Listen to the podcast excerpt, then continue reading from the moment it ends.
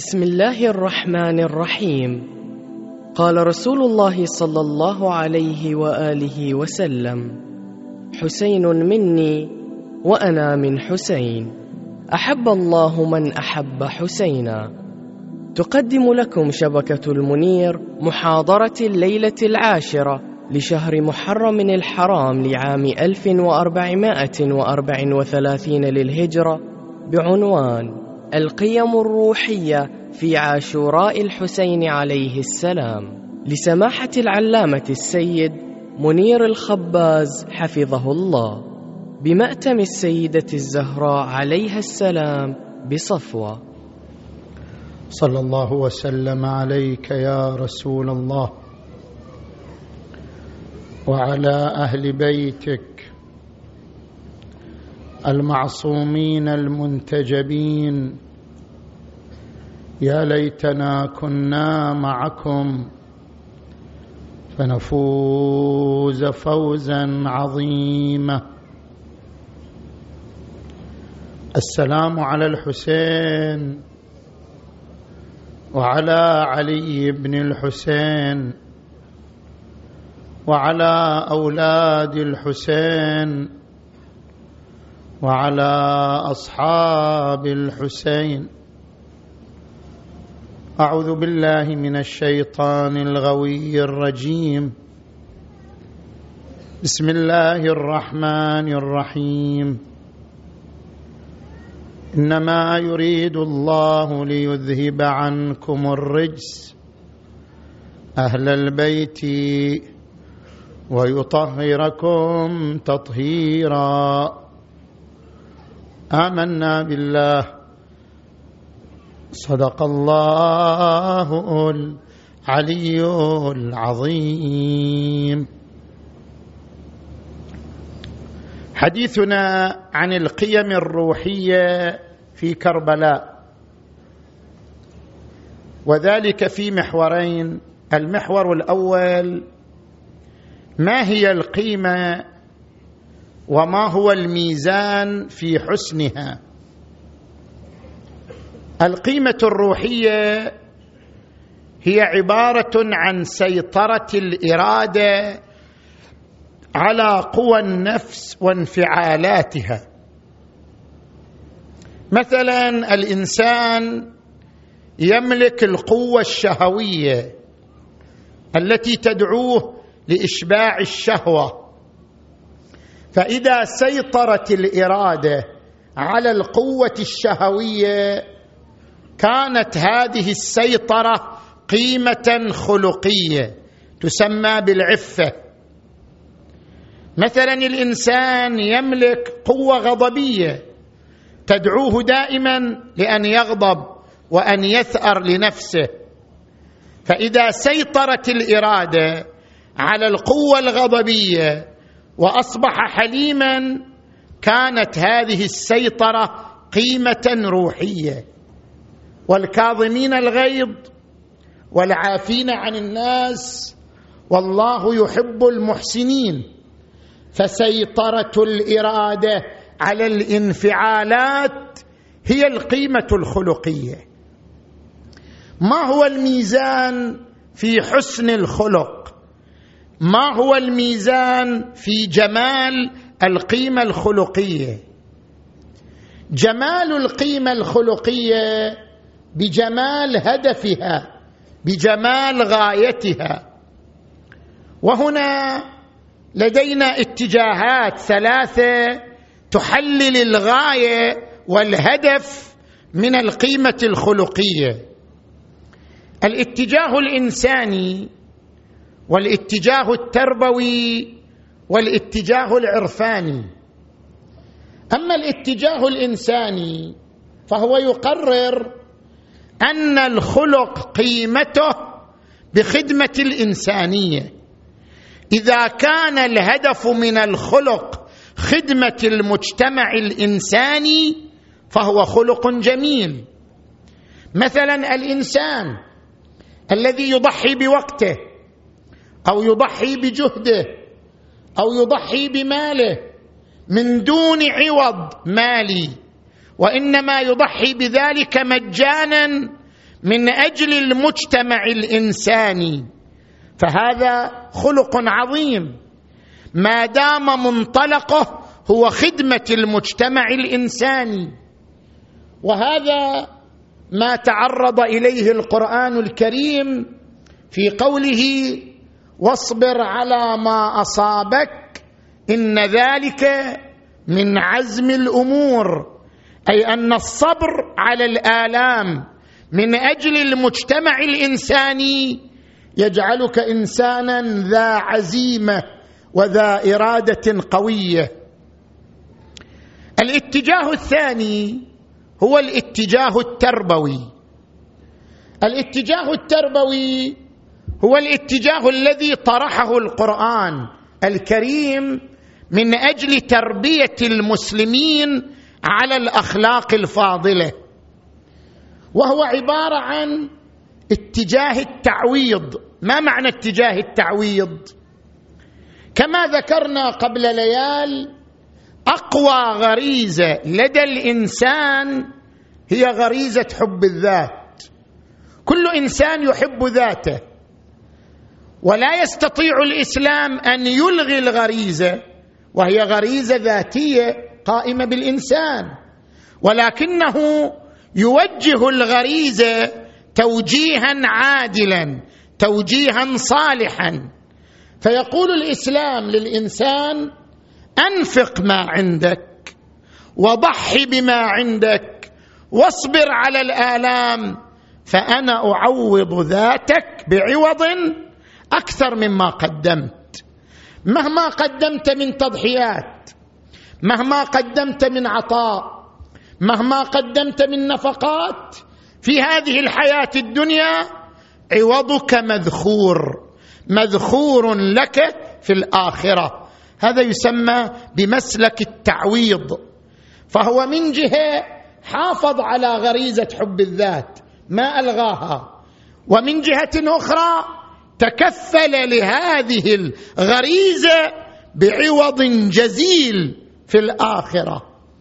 اذا المنطلق الثاني للقيم الخلقية منطلق تربوي وهو عبارة عن أن يكون الهدف من الأخلاق من الصبر من الكرم من الحلم الهدف هو تحصيل العوض الأخروي تحصيل ثواب الله عز وجل. فالإنسان يتحمل الألم الوقتي في الدنيا مدة أربعين خمسين سنة ليحصل على العوض الأخروي. ينفق ما عنده في الدنيا ليحصل على العوض الأخروي. يقول القرآن الكريم إنما يوفى الصابرون أجرهم بغير حساب. ويقول القرآن إن الله اشترى من المؤمنين أنفسهم وأموالهم بأن لهم الجنة. ويقول القرآن الكريم فاستجاب لهم ربهم أني لا أضيع عمل عامل منكم من ذكر وأنثى.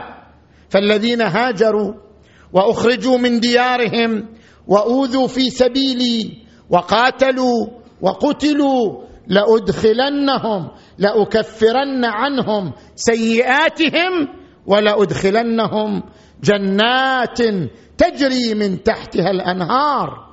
هذا يسمى اتجاه تربوي مبني على مسلك التعويض. الاتجاه الثالث هو الاتجاه العرفاني. الاتجاه العرفاني يقول المنطلق في الأخلاق ليس هو خدمة الإنسانية فقط وليس هو طلب ثواب الله والعوض من الله فقط وإنما المنطلق في الأخلاق المملوكية لله عز وجل. ما معنى ذلك؟ بما أن الإنسان هو عين الفقر عين الحاجة عين التعلق بالله. يا أيها الناس أنتم الفقراء إلى الله والله هو الغني. الإنسان ملك لله. فبما أن الإنسان ملك لله فعليه أن يسلم الملك لصاحبه.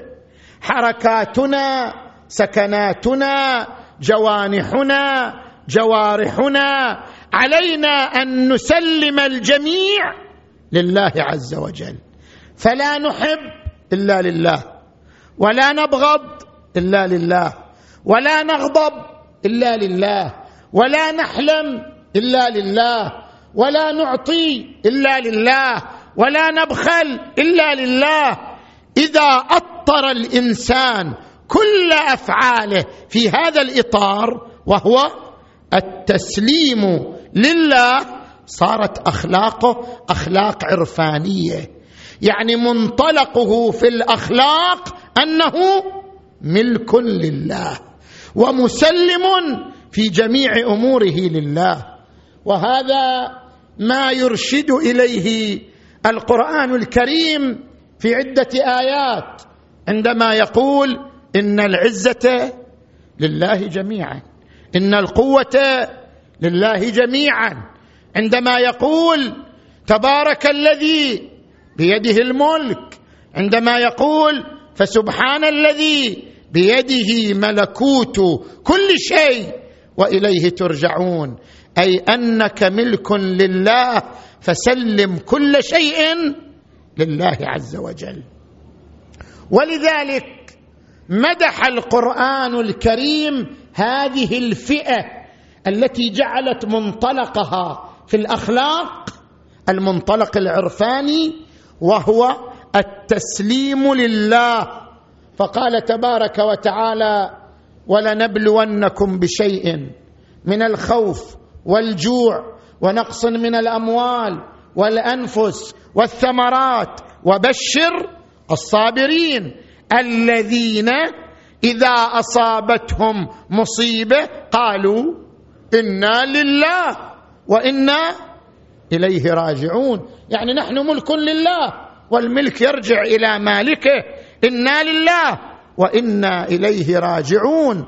أولئك عليهم صلوات من ربهم ورحمة وأولئك هم المهتدون. هذا هو المحور الأول القيمة الخلقية ومنطلقها بحسب الاتجاهات التي عرضناها. نجي إلى المحور الثاني. كربلاء ويوم عاشوراء مجموعة من القيم الروحية انطلقت من منطلق واحد وهو المنطلق العرفاني منطلق التسليم لله وإظهار الملكية لله.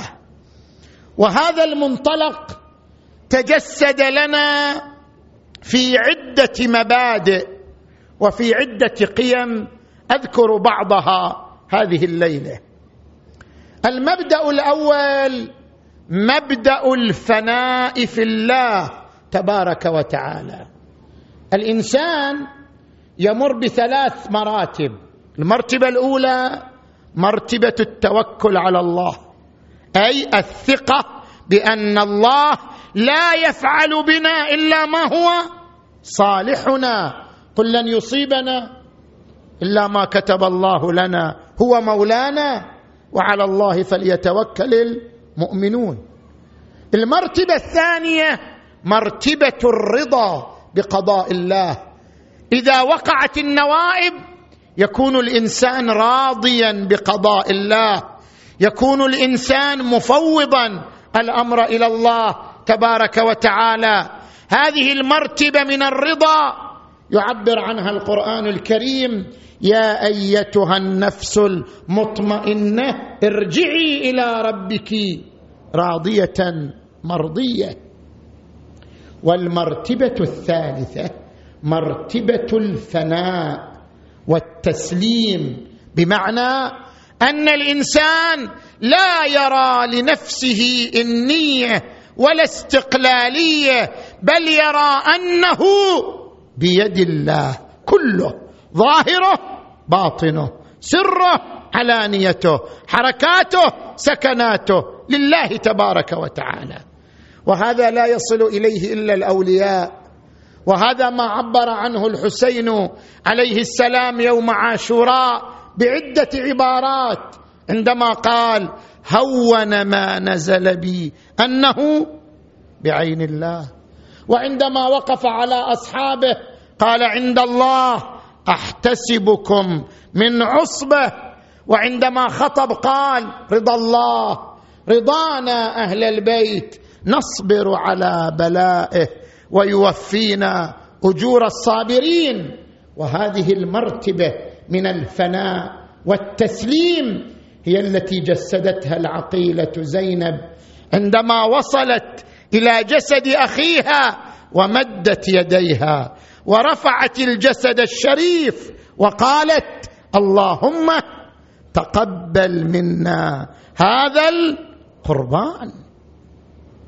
هذا المبدأ الأول.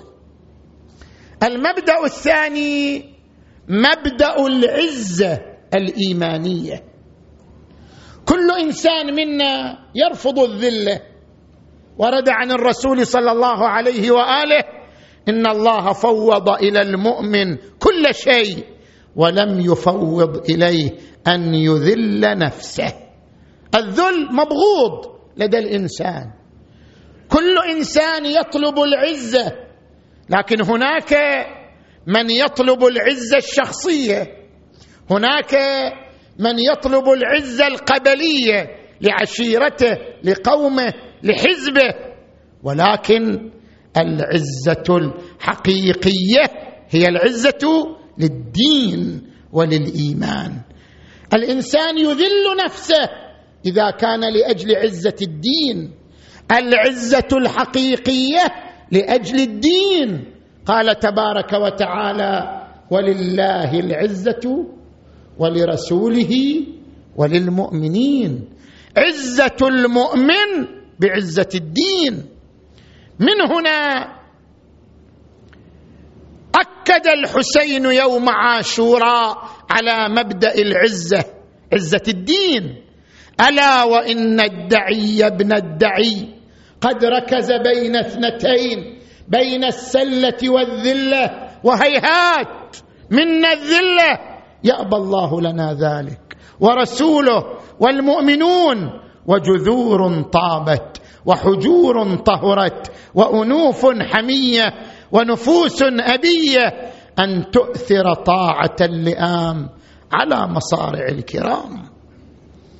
وقال والله لو والله لا أعطيكم بيدي إعطاء الذليل ولا أقر اقرار العبيد ونحن يا إخوان إذا أردنا إذا أردنا أن نتعلم درس العزة من الحسين العزة بإيماننا العزة بديننا على المسلمين أن يحافظوا على مبادئهم وقيمهم أمام غيرهم اعتزازا بدينهم. نحن الشيعة الإمامية نعتز بمذهبنا نعتز بمبادئنا من مظاهر عزتنا بإيماننا ومذهبنا. إصرارنا على الشهادة الثالثة في كل أذان لأن هذا شعار لعزتنا بإيماننا ومذهبنا. إصرارنا على إقامة الشعائر الحسينية وتعليق السواد في الشوارع والأماكن. كل ذلك إظهار لاعتزازنا وافتخارنا بقيمنا ومبادئنا. ألا وهي قيم كربلاء ومبادئ كربلاء. ذلك ومن يعظم شعائر الله فإنها من تقوى القلوب. رحم الله عبدا جلس مجلسا يحيا فيه أمرنا.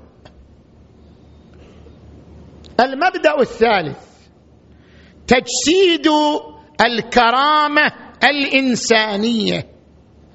الله تبارك وتعالى أعطى لكل إنسان كرامة وعم البشرية بمبدأ الكرامة. الإنسان بما هو إنسان مسلم أو كافر هو له كرامة. القرآن الكريم يقول ولقد كرمنا بني آدم وحملناهم في البر والبحر ورزقناهم من الطيبات وفضلناهم على كثير ممن خلقنا تفضيلا. وقال تعالى يا أيها الناس إنا خلقناكم من ذكر وأنثى وجعلناكم شعوبا وقبائل لتعارفوا إن أكرمكم عند الله أتقاكم. لكل إنسان كرامة. والحسين جسد مبدأ الكرامة الإنسانية يوم عاشوراء. جون مولى أبي ذر كان عبدا اسود اللون جاء للحسين قال أبا عبد الله ائذن لي بالقتال معكم. قال يا جون أنت إنما لحقتنا لطلب العافية. فأنت في حل منا. اذهب. فأنت حر لوجه الله. قال لا. افي الرخاء ألحس قصاعكم. وفي الشدة أخذلكم. لا كان ذلك ابدا. تنفس علي بالجنة. يا أبا عبد الله حتى يبيض وجهي وتطيب ريحي فأذن له الحسين بالشهادة فاستشهد بين يدي الحسين خرج الحسين إلى جون جلس عنده وهو صريع وضع خده على خده ومسح التراب والدماء عن وجهه وقال اللهم بيض وجهه وطيب ريحه واحشره مع الأبرار وعرف بينه وبين محمد وآله فكانت تفوح منه رائحة المسك. الحسين جسد مبدأ الكرامة. نحن إذا أردنا أن نمثل مبدأ الكرامة علينا أن يحترم بعضنا بعضا. علينا أن لا يهتك بعضنا حرمة بعض وأن لا يغتاب بعضنا البعض الآخر. تجسيدا لمبدأ الكرامة التي الذي كفله الله لكل إنسان فضلا عن المسلمين والمؤمنين. المبدأ الرابع مبدأ الإيثار. ذكرنا أن أقوى غريزة من غرائز الإنسان حب الذات. والإسلام أراد أن يعالج هذه الغريزة لكي لا تطغى. كلا إن الإنسان لا يطغى أن رآه استغنى. كيف يعالج هالغريزة؟ عالجها بخطوات. الخطوة الأولى حرم عليها الربا وحثها على الصدقة. يمحق الله الربا ويربي الصدقات حتى تعتاد النفس على العطاء والبذل. الخطوة الثانية أمرنا بالإنفاق مما نحب. قال تعالى لن تنالوا البر حتى تنفقوا مما تحبون. إذا أردت أن تتصدق صدق بصدقة كبيرة. إذا أردت أن تنفق انفق شيء عزيز عندك شيء محبوب عندك حتى تعتاد نفسك على تجاوز الأنانية على تجاوز الذاتية وتتحلى بسمة الغيرية ويطعمون الطعام على حبه مسكينا ويتيما وأسيرا. إنما نطعمكم لوجه الله لا نريد منكم جزاء ولا شكورا. الخطوة الثالثة الإيثار.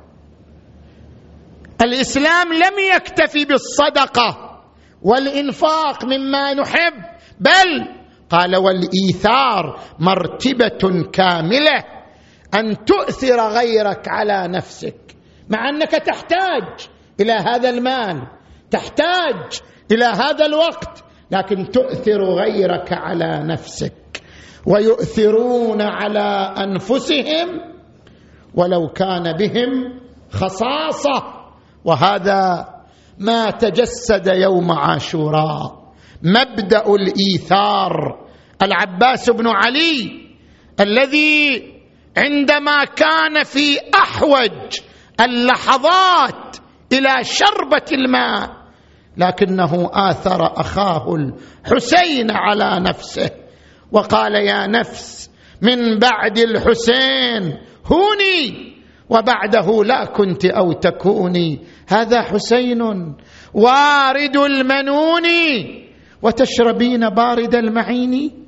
تالله ما هذه فعال ديني ولا فعال صادق اليقين؟ المبدأ الخامس مبدأ عشق الموت. نحن جميعا نكره الموت. الموت بالنسبة إلينا شبح مرعب لا لأجل الموت بل لأجل أننا نخاف ما بعد الموت. فلو أن إذا متنا تركنا لكان الموت راحة كل حي. ولكنا إذا متنا بعثنا ونسأل يومها عن كل شيء. لكن عاشوراء يعلم المؤمنين على أن الموت الحق شيء جميل على أن الموت في سبيل الحق شيء ممتاز شيء جميل شيء حسن. لذلك تجد الألفاظ التي تعشق الموت وتحبذ الموت.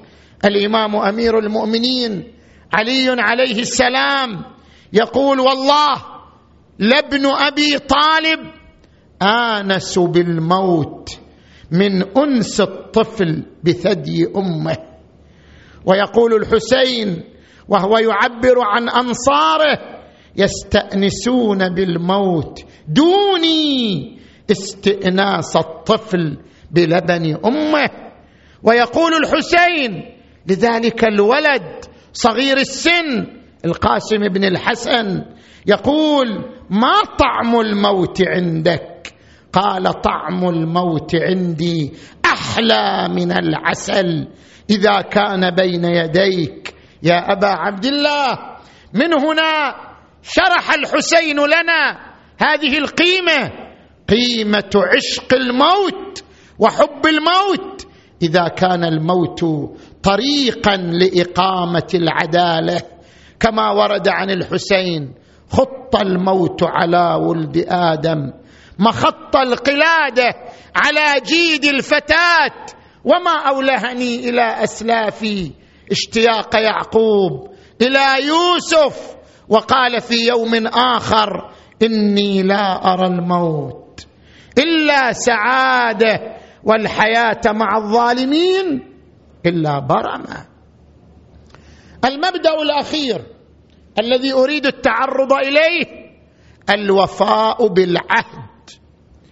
القرآن الكريم يركز على أهمية الوفاء بالعهد. وأوفوا بالعهد إن العهد كان مسؤولا من المؤمنين رجال صدقوا ما عاهدوا الله عليه فمنهم من قضى نحبه ومنهم من ينتظر وما بدلوا تبديلا. ويقول القرآن الكريم فمن أوفى بما عاهد عليه الله فسيؤتيه الله اجرا عظيما. الوفاء بالعهد شيء مقدس شيء عظيم. لأجل ذلك نحن بيننا وبين أئمتنا عهد وعقد فعلينا الوفاء بعهودنا لأئمتنا. لاحظوا ابن أبي عمير يسأل الإمام الجواد عليه السلام عن قوله عز وجل يا أيها الذين آمنوا أوفوا بالعقود يا عقود. فقال الرس فقال الجواد عليه السلام إن الرسول صلى الله عليه وآله عقد لعلي على المسلمين بالإمرة والولاية في عشرة مواطن. ولما أخذ منهم العهد نزل قوله تعالى يا أيها الذين آمنوا أوفوا بالعقود أي العقود التي عقدتموها لعلي بن أبي طالب بالإمرة والولاية.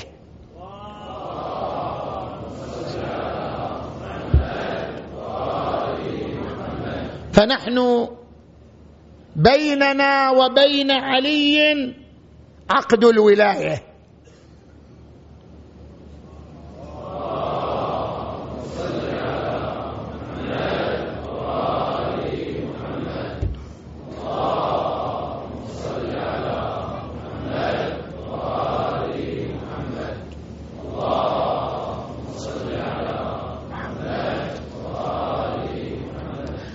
وعقد الولاية. له مظاهر وليس مجرد عقد قلبي. المظهر الأول الثبات على الولاية والبراءة من أعداء أهل البيت. الإصرار على التشيع الإصرار على مظاهر التشيع الإصرار على ما يبرز التشيع. هذا هو إظهار للحرص على البيعة لعلي عليه السلام. والمظهر الثاني الورع عن محارم الله. ورد عن الإمام علي عليه السلام سئل عن رجل يشرب الخمر قال لا تقولوا من شيعتي قولوا من محبي شيعتنا من اتقى. إنما يتقبل الله من المتقين التقوى الورع عن محارم الله الورع عن المحارم مظهر من مظاهر الالتزام بالبيعة لعلي عليه السلام. محافظة المرأة على حجابها بيعة لعلي. محافظة الرجل على البعد عن العلاقات غير المشروعة. بيعة لعلي. تجنب المحرمات من الكذب والغيبة والنميمة وهتك الحرمات. بيعة لعلي عليه السلام. والمظهر الثالث الخلق الرفيع. نحن نعكس أئمتنا بأخلاقنا. ورد عن الإمام الصادق عليه السلام كونوا زينا لنا ولا تكونوا شينا علينا كونوا دعاة لنا بغير ألسنتكم. نحن نريد أخلاق نحن نريد قيم. الإمام الصادق عليه السلام يقول إن الرجل منكم إذا صدق في حديثه وورع في دينه وأدى الأمانة وحسن خلقه مع الناس. قيل هذا جعفري وقيل هذا أدب جعفر فيسرني ذلك. وإذا كان على خلاف ذلك قيل فعل الله بجعفر ما فعل. ما كان أسوأ ما يؤدب به أصحابه. اذا أنت إذا كنت دائم البسمة دائم التواضع مؤديا للأمانة خلوقا ورعا مع الشيعة مع السنة مع المسلمين مع الكفار مع أي إنسان. أنت تظهر قيمة مذهبك وتظهر قيمة أهل البيت. صلوات الله وسلامه عليهم أجمعين. فهذا من مظاهر الاعتداد والاعتناء بعقد الولاية مع علي عليه السلام وأهل بيته. الوفاء بالعهد قيمة روحية تجسدت يوم عاشوراء. تسابق الأنصار وفاء بالعهد بينهم وبين رسول الله. نصرة لمنصب الإمامة تسابقوا إلى القتال. فقال علي الأكبر أنا علي بن الحسين. ابن علي نحن وبيت الله أولى بالنبي. تالله لا يحكم فينا ابن الدعي. أضربكم بالسيف أحمي عن أبي. ضرب غلام هاشمي علوي. ووقف الحسين يمدح أصحابه مدحهم بالوفاء. قال إني لا أعلم اصحابا أبر وأوفى من أصحابي ولا أهل بيت أوصل وأقرب من أهل بيتي.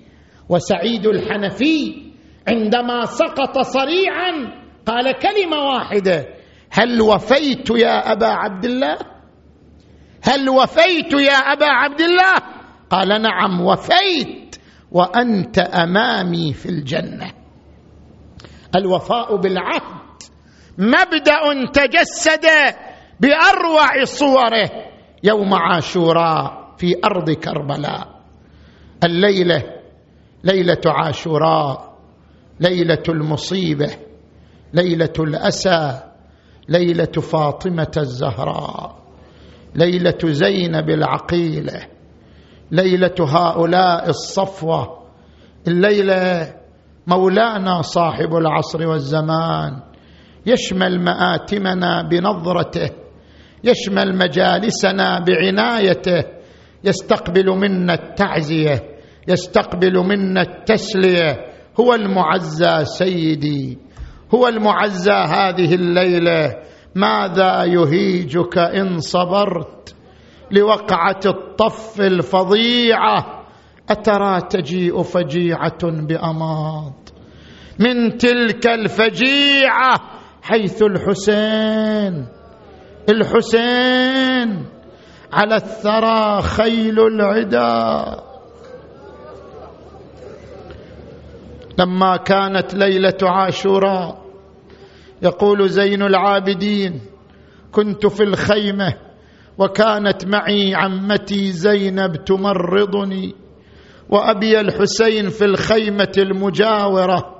وإذا بي أسمع أنينا يقطع القلوب وهو يقول يا دهر يا دهر اف لك من خليلي كم لك بالإشراق والأصيل وكل حي سالك سبيلي وإنما المرجع للجليل. فهمت كلامه خنقتني العبرة لكن عمتي زينب ما صبرت. قامت وجاءت إليه الخيمة أبا عبد الله أتنعى نفسك بالموت؟ أتغتصب نفسك اغتصابا؟ ماذا تقول يا أبا عبد الله؟ ماذا تقول؟ قال أخي أخي زينب اعلمي أن أهل الأرض يموتون أهل السماء لا يبقون. لقد مات جدي وهو خير مني ومات أبي وهو خير مني ومات أخي وهو خير مني. أخي زينب تعزي بعزاء الله. قالت أبا عبد الله لا تحرق قلبي. ليت الموت أعدمني الحياة. ليت الجبال تدكدكت على الساهل قال أخي لا بد من مصرع أنا لاقيه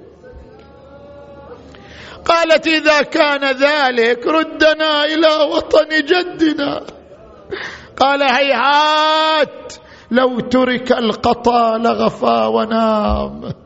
اصبري ومسح على صدرها وهي تنادي ومحمدا وعليا وفاطمه وحسنا أخي حسين هل بلوت أصحابك؟ هل اختبرتهم؟ أخاف أن يسلموك عند الوثبه قال لا بل بلوتهم. كيف؟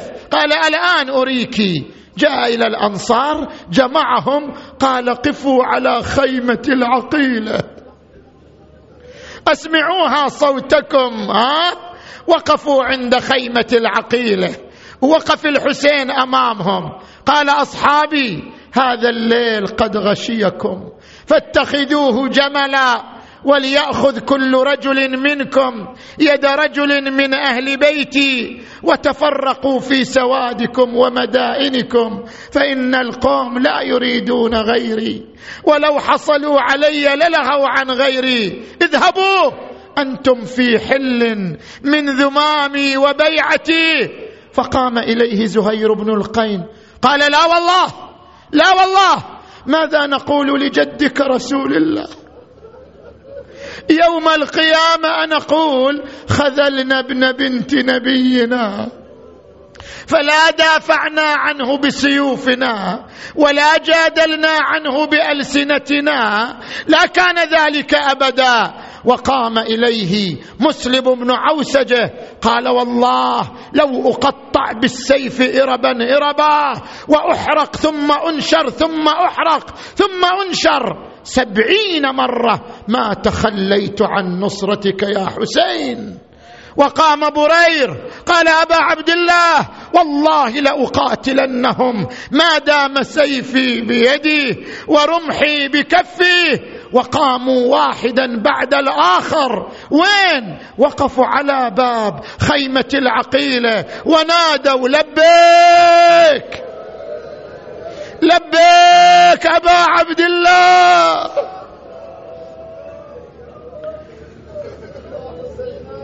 استقر قلب العقيلة. نادت العقيلة بلسان الحال. يا أهل الشيم هذا محلكم. لليوم ما نذخر هممكم. شنو العذر يا كرام منكم تخلون بالشدة حرمكم. ثم التفت اليهم الحسين قال أصحابي هذه آخر ليلة لكم في الدنيا فتزودوا من العبادة فقاموا ولهم دوي كدوي النحل قياما قعودا ركوعا سجودا يتلون كتاب الله ويصلون عظم الله أجوركم فلما بزغ الصباح أقبل الحسين وقد جعل زهير بن القين على الميمنة وحبيب بن مظاهر على الميسرة وأعطى الراية بيد أخيه أبي الفضل العباس وثبت هو وأهل بيته في القلب فنظر وإذا بعمر بن سعد زهاء ألف زهاء ثلاثين ألف فارس. وقد جعل على الميمنة عمرو بن الحجاج وعلى الميسرة الشمر بن ذي الجوشن وأعطى الراية بيد ذويد مولاه وثبت هو في القلب فلما رآهم الحسين وقد ازدحموا على قتاله رفع يديه إلى السماء قال اللهم أنت ثقتي في كل كرب ورجائي في كل شدة وأنت لي في كل أمر نزل بي ثقة وعدة. كم من كرب يضعف فيه الفؤاد وتقل فيه الحيلة. أنزلته بك وشكوته إليك عمن سواك ففرجته وكشفته. عظم الله أجوركم خطب فيهم زهير وخطب فيهم ابن عوسجة وخطب فيهم الحسين ووعظهم وزجرهم فلم يجد الوعظ فيهم بينما الحسين واقف. وإذا بالسهام أقبلت عليه من كل جانب ومكان. قال أصحابي هذه رسل القوم إليكم. قوموا بارك الله فيكم. هذا جدي رسول الله. ينتظركم. هذا أبي أمير المؤمنين يستقبلكم. هذه منازلكم. وعرف كل واحد منزلته في الجنة. عظم الله أجوركم. فتسابق الأنصار إلى قتاله. فرحين مستبشرين بمنازلهم في الجنة. عظم الله أجوركم. وكان من بين الأنصار وهب بن حباب الكلبي وكان حديث عهد بالزواج فلما أراد الخروج تعلقت به زوجته قالت يا وهب لا تفجعني بشبابك. أنت حديث عهد بالزواج. قالت له أمه لا تسمع كلامها. بني والله لا أرضى عنك حتى أراك شهيدا بين يدي أبي عبد الله. فخرج وهب إلى المعركة فقطعت يده ثم رجع إلى أمه. قال أمه هل رضيت عني؟ قالت لا والله أريد أن أفتخر بك بين يدي فاطمة الزهراء. الزهرة غالية غالية. حسينا.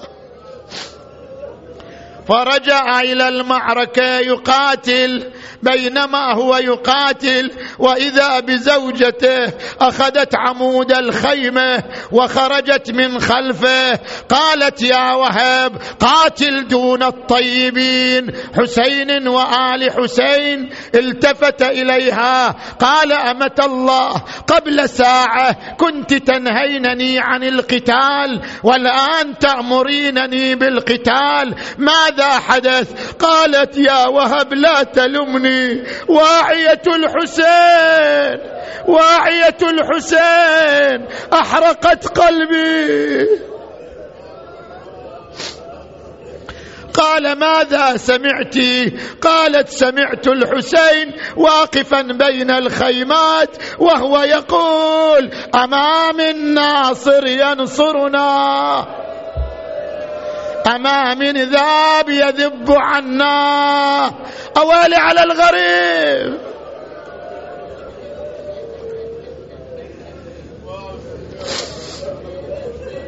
عظم الله أجوركم إلى أن سقط صريعا على الثرى.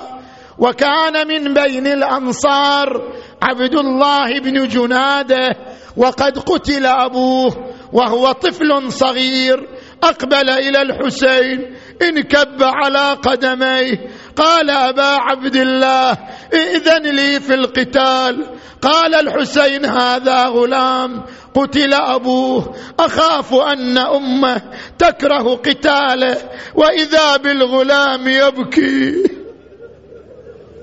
ويتضرع بالحسين. يقول أبا عبد الله إن أمي هي التي أمرتني.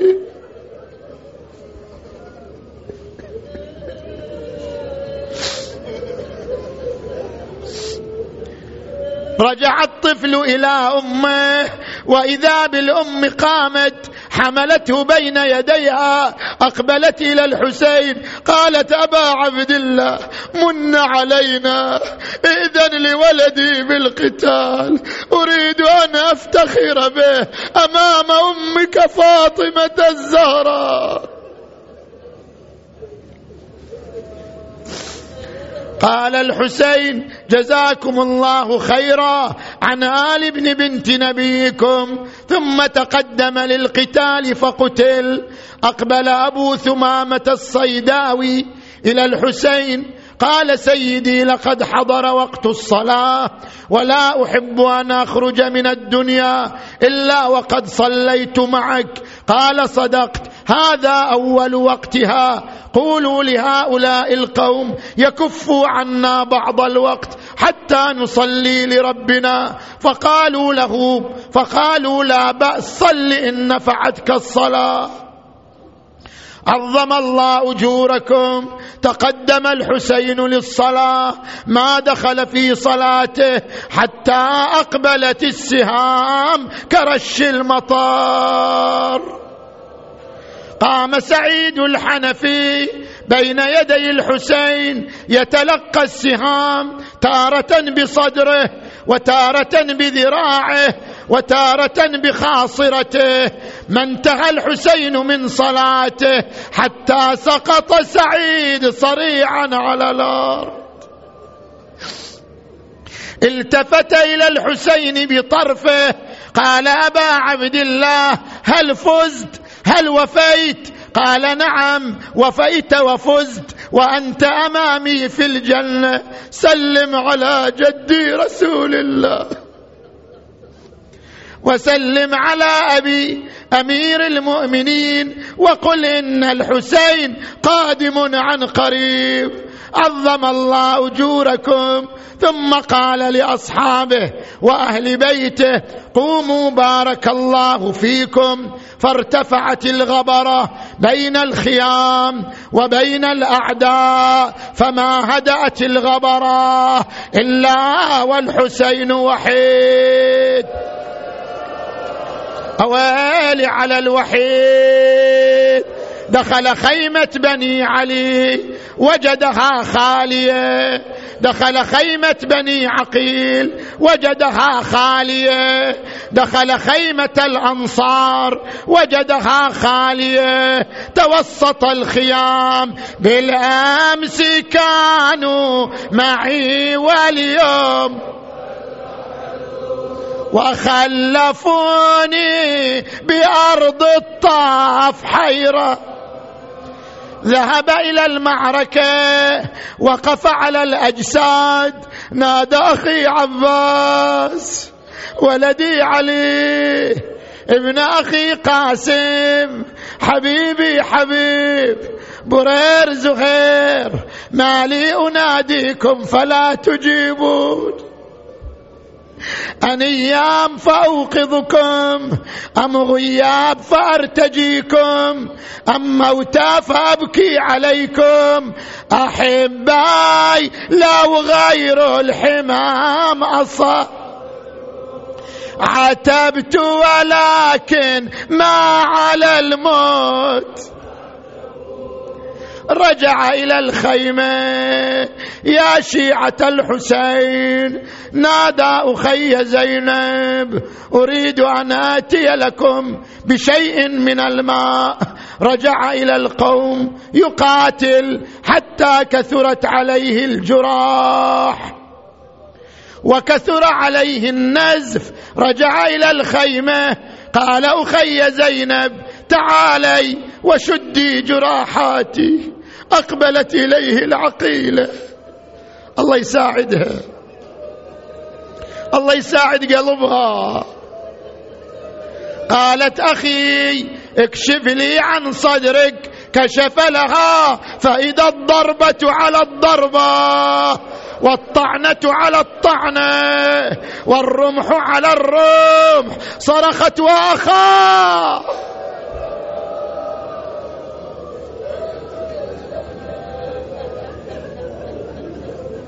أخي حسين أي جرح أشده؟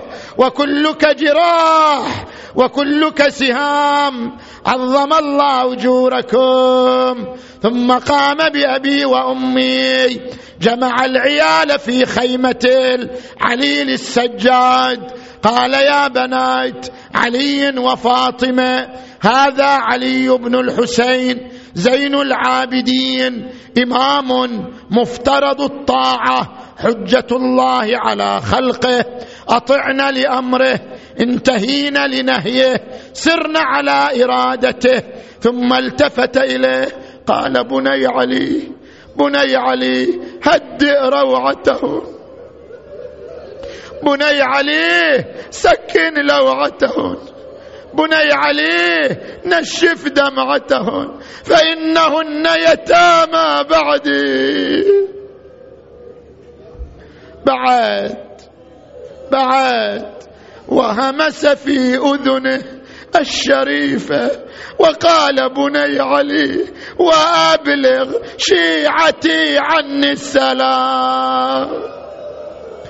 سلم عليكم. انتو شيعته انتو اللي جايين الليلة يسلم عليكم أبو علي. اريد منك رد السلام من بعيد أقصى. طلع السلام من قلبك من قلبك طلعها طلعه. قول له السلام عليك. يا أبا عبد الله السلام عليك. يا غريب كربلاء. هي أريدك صوت صوت أنت الليلة. أريدك الليلة مع زوار الحسين. الموجودين في كربلاء. أريدك الليلة تهتف وياهم. تدري الزوار الليلة شو يقولوا؟ كلهم يصرخوا لبيك!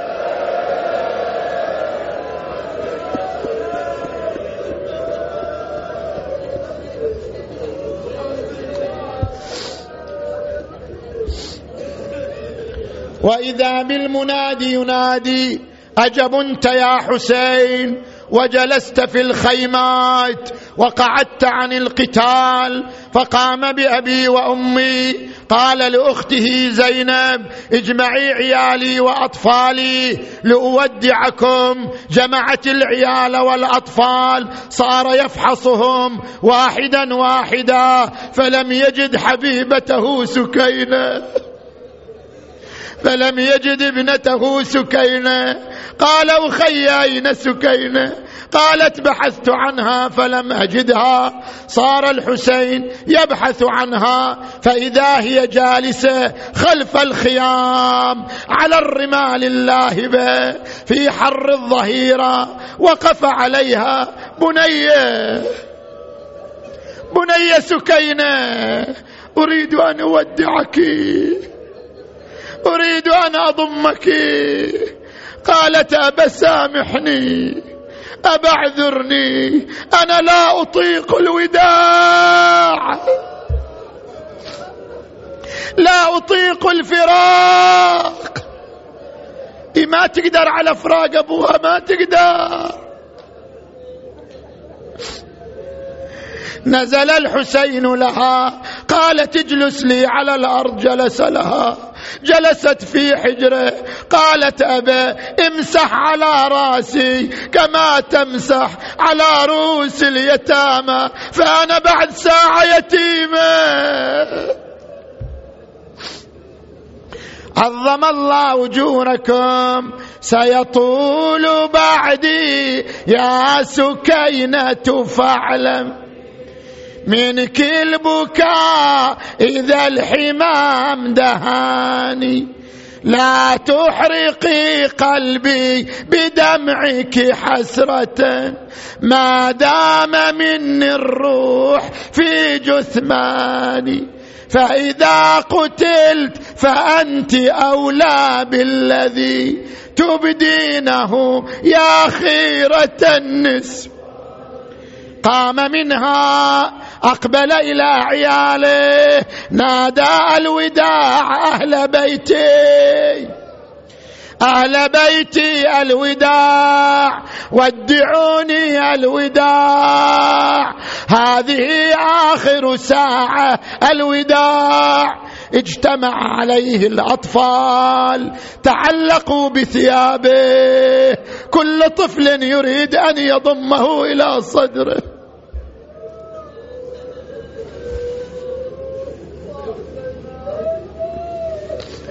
الله يساعدهم. يتامى يتامى.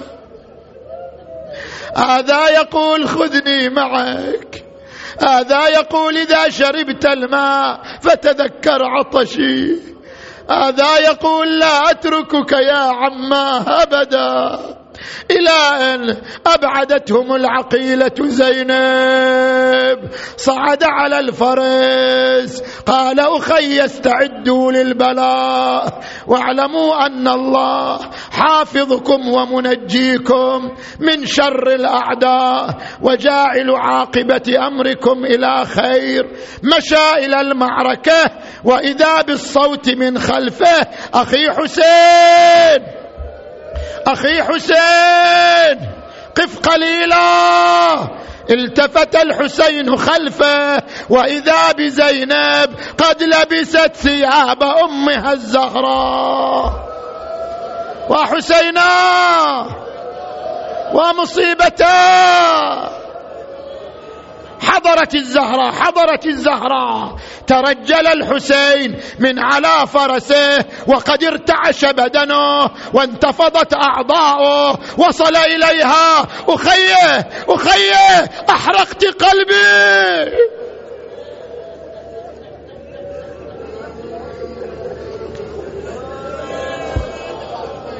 ماذا تريدين؟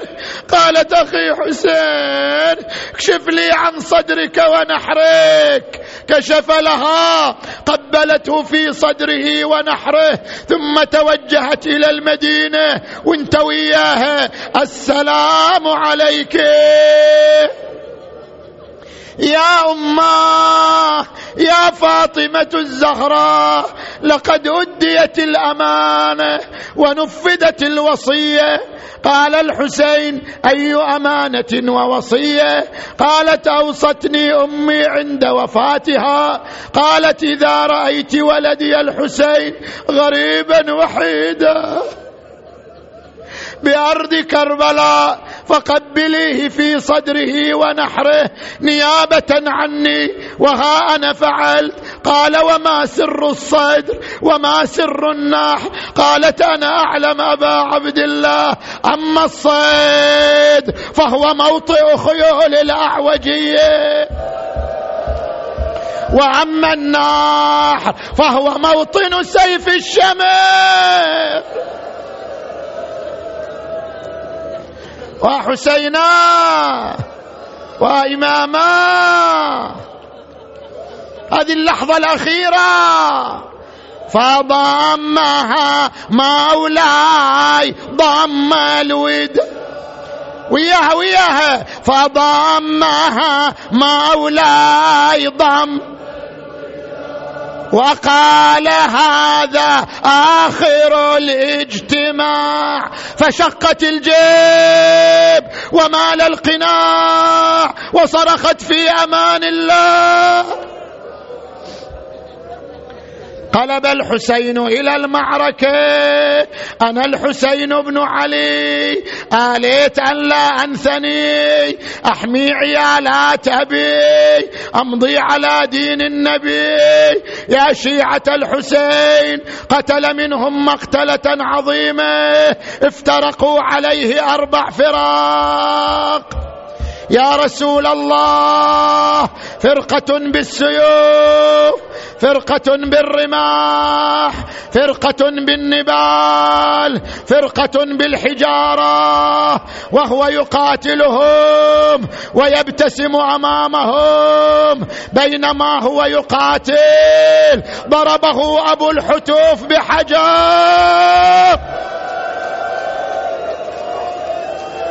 وحسينا وقع على جبينه ونزف الدم كالميزاب. رفع ثوبه يريد أن يمسح الدم. يا رسول الله يا زهراء فأقبل السهم المثلث. ذو ثلاث شعاب وقع في قلب الحسين.